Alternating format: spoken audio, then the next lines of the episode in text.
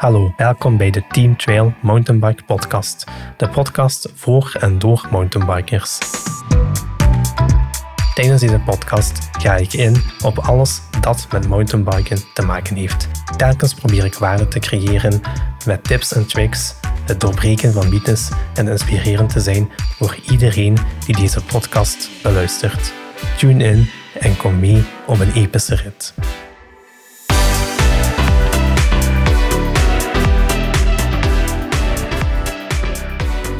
In mijn vorige podcast sprak ik over de succesformule. Helaas is de weg naar succes nooit in een rechte lijn, maar gaat het gepaard met ups en downs. In deze podcast ga ik het hebben over waarom regressie noodzakelijk is om enorme progressie te maken. En ik ga hierbij beginnen met een voorbeeld. Ik ga het hebben over fietser Tom, die redelijk goed kan mountainbiken, die eigenlijk al 15 jaar mountainbikes, die met gemak rode trails naar beneden kan rijden, die ook een aantal kleine jumps kan nemen en eigenlijk wel redelijk comfortabel is op zijn fiets. Hij heeft een heel goede conditie, hij rijdt met klikpedalen en tussen haakjes, ik ga over die klikpedalen ga ik ook nog een aparte podcast houden. Maar Tom die wil eigenlijk voelt zich eigenlijk niet zo comfortabel met het rijden van zwarte technische trails. En hij wil eigenlijk daar beter worden. Dus wat doet Tom? Hij boekt een clinic, een Advanced Skills Clinic boekt hij om zo zijn skills uh, bij te leren. En hij gaat naar die clinic um, en daar is, de, er een mountainbike coach. Ik zal deze coach uh, Jasper noemen. En Jasper is een goede coach. Ja. Dat is iemand die nog maar drie jaar ervaring heeft, maar die er eigenlijk wel heel veel van weet. En hij doet op het begin een korte, een korte assessment van de skills van de deelnemers. En hij ziet dat Tom toch eigenlijk wel verschillende verkeerde gewoontes heeft en een aantal verkeerde technieken heeft aangeleerd. Dus hij is een goede coach en hij weet dat je eerst aan de fundamentele skills moet werken. Dus hij neemt Tom apart en hij leert hem een aantal fundamentele skills, zoals de, je lichaamspositie op je fiets, ja, remtechniek. Hij doet een aantal trage skills met hem. Hij doet wat ja, fiets-lichaam separatie. En eigenlijk na nadat hij dit allemaal gedaan heeft, eigenlijk de drie uur, uur durende clinic voorbij. En Tom is eigenlijk teleurgesteld. Ja, hij is naar een clinic geweest, heeft eigenlijk totaal niet gedaan waarvoor hij zich heeft ingeschreven. En de coach Jasper zegt tegen Tom van ja, ik heb je nu een aantal uh, tips en tricks meegegeven. Probeer deze ook thuis te oefenen. Want op drie uur tijd kun je helaas niet alles leren. Je moet dat eigenlijk in verschillende sessies doen en het lang volhouden. Ja, je moet eigenlijk uh, ja, echt commitment tonen om je basisskills eigenlijk uh, beter te maken. En op dat moment heeft Tom eigenlijk twee keuzes. Eén, hij kan de gemakkelijke weg kiezen en hij zegt, of hij denkt in zijn eigen, ik vond deze clinic maar niks. Ik kan ik vind van mijn eigen dat ik goed kan mountainbiken. En ik doe gewoon wat ik altijd deed. Ik amuseer me. En ik zal uh, gewoon iets moediger moeten zijn om die zwarte technische trails te rijden. Of hij pakt de andere keuze, en dan is eigenlijk de moeilijkste keuze, eigenlijk de moeilijkste weg. Hij gaat de challenge met zijn eigen aan en hij gaat echt investeren in zijn eigen om die fundamentele skills bij te leren, om zo eigenlijk door regressie eigenlijk enorme progressie te maken. En die tweede keuze, dat is nu net hetgeen waarover ik het wil hebben in deze podcast. Het is eigenlijk heel belangrijk om je fundamentele skills te oefenen in een veilige leeromgeving, waarbij er geen afleiding is, waarbij je niet moet bezighouden met moeilijke technische stukken, waarbij je gewoon echt puur kan focussen op die basis, op die fundamentele skills. Ook liefst in een setting waar er niet te veel toeschouwers zijn, waar er geen peer pressure is, ja, waarbij je echt mentaal en fysiek echt kan focussen op die skills. De fout die velen maken is dat ze eigenlijk deze skills niet oefenen in een veilige leeromgeving, maar dat ze het eigenlijk oefenen in een, in een prestatieomgeving. Dus eigenlijk op de trail, waar moeilijke technische stukken zijn. En eigenlijk, als je daar je skills oefent, is het eigenlijk zeer moeilijk om erop te focussen. Want van zodra het eigenlijk iets moeilijker wordt, dan gaat je onderbewustzijn overnemen en ga je eigenlijk terugvallen op je gewoontes. Iets bijleren, wat het ook is, gaat eigenlijk altijd in vier stappen. Ja, het is niet alleen bij het mountainbiken, het is eigenlijk in alles wat je wil bijleren. Ja, en de vier stappen die je moet doorlopen, of die eigen zijn aan iets bij te leren, zijn de volgende. De eerste stap is het onbewustzijn van iets niet kunnen. Dus je weet eigenlijk niet dat je iets niet kan.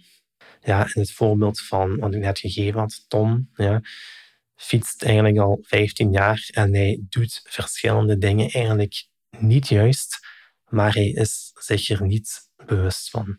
Hij neemt, onderneemt actie en gaat een kliniek volgen en hij komt eigenlijk in de volgende stap terecht. En dat is eigenlijk het bewustzijn van iets niet te kunnen. Ja? En dit is eigenlijk vaak een confronterende en frustrerende stap. Ja? Dus je bent je bewust dat je een bepaalde techniek verkeerd doet, of je bent je bewust dat je een bepaalde techniek niet kan. En dan heb ik het weer over de twee keuzes die je hebt. Je kan de makkelijke weg nemen en zeggen: Ik heb het niet nodig. Of je kan de challenge aangaan. Ja. Je kan proberen die berg te beklimmen. Ja. Je gaat de confrontatie aan en je gaat je toewijden om deze skill te oefenen. De volgende fase is het bewust iets kunnen. Ja? Dus dat betekent, je kan een bepaalde skill, ja, maar je moet erover nadenken. Ja, en dan zijn we eigenlijk in de moeilijkste fase. Dat is een fase met heel veel ups en downs, waarbij je eigenlijk regelmatig terug moet oefenen, dat je regelmatig toch terug die regressie moet maken om progressie te maken. Dus je weet wat je moet doen, maar je moet erover nadenken. En eigenlijk, als je dat lang genoeg doet, als je dat lang genoeg volhoudt, dan kom je eigenlijk in de volgende stap. En dat is eigenlijk het onbewust iets kunnen. Ja? En dan ben je eigenlijk ja, in de, en dan ben je eigenlijk in de fase waar een andere mountainbikers naar jou kijken en denken van wow, dat wil ik ook kunnen, zo wil ik ook zijn. Het is handig om hierover na te denken en misschien te herkennen in welke fase jezelf, um, ja, waarin je je eigenlijk bevindt.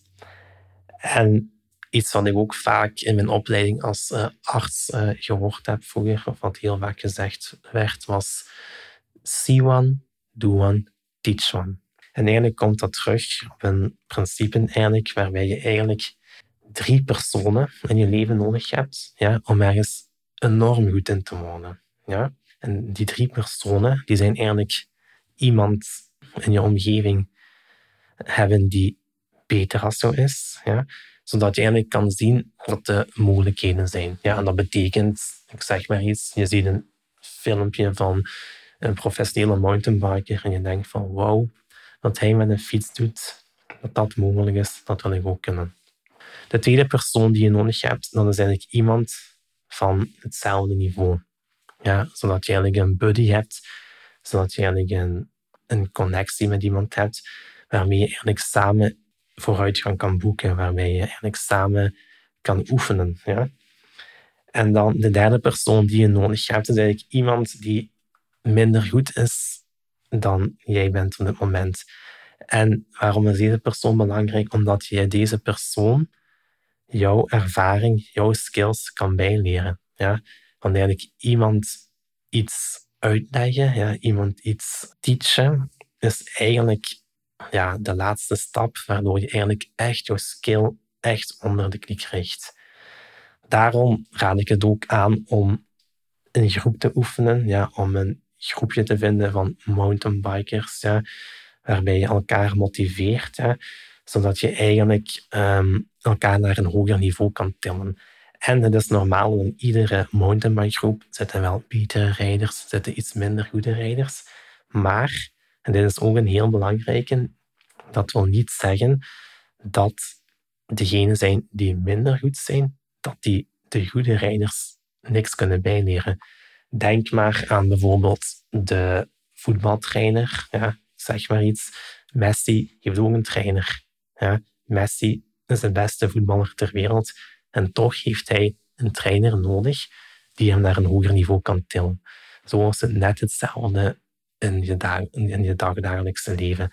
Iedereen kan iedereen iets bijbrengen en dat is eigenlijk zeer belangrijk. Wat ook nog een voordeel is van een groep te oefenen, is je hebt een groepsdynamiek, ja, je hebt wat, je kan je successen delen, het is leuker. En nog een heel belangrijke vind ik eigenlijk dat je elkaar kan filmen, ja, zodat je achteraf eigenlijk een videoanalyse kan doen, zodat je eigenlijk jezelf eens weinig ziet op de fiets. Daarom heb ik een Facebookgroep gemaakt, de Team Trail Mountainbike Community. Ja. En die dient eigenlijk om je successen te delen of om uh, je progressie te delen. Ja, eventueel filmpjes van jezelf te posten, zodat anderen jou tips en tricks kunnen geven. Ik heb in de beschrijving de link naar deze Facebookgroep um, geplaatst. En voel je vrij om je uh, ja, aan te melden voor deze groep. Ik zou blij zijn om jou te verwelkomen. Een andere vraag is van hoe weet ik nu welke skill ik moet leren? En er zijn op het internet zijn er verschillende coaches en er zijn er eigenlijk een tweetal die ik enorm aanraad. De eerste die ik aanraad is de Leach Connection. Dat is eigenlijk een mountainbike platform waarbij je eigenlijk op een gestructureerde manier je mountainbike skills kan oefenen. En dat is eigenlijk zeer interessant.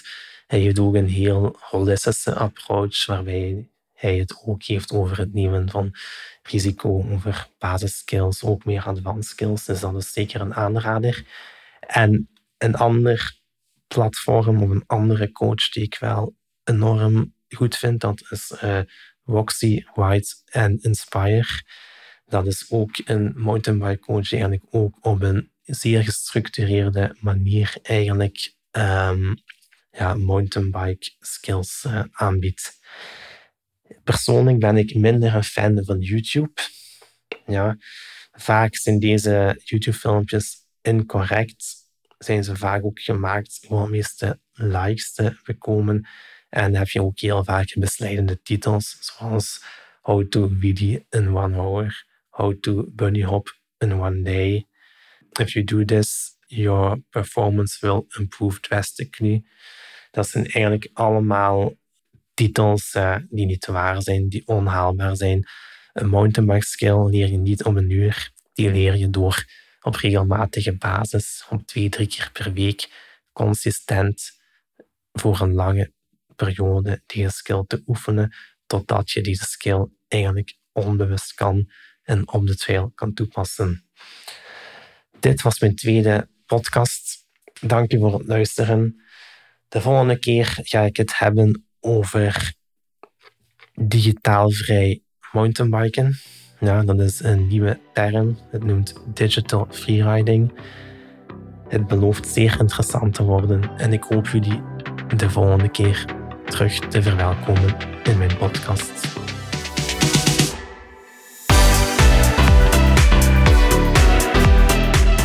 Hopelijk hebben jullie genoten van deze podcast. Volg ons op onze social media kanalen op Instagram, Facebook en YouTube. Vergeet zeker niet een kijkje te nemen op onze website teamtrailmtb.com.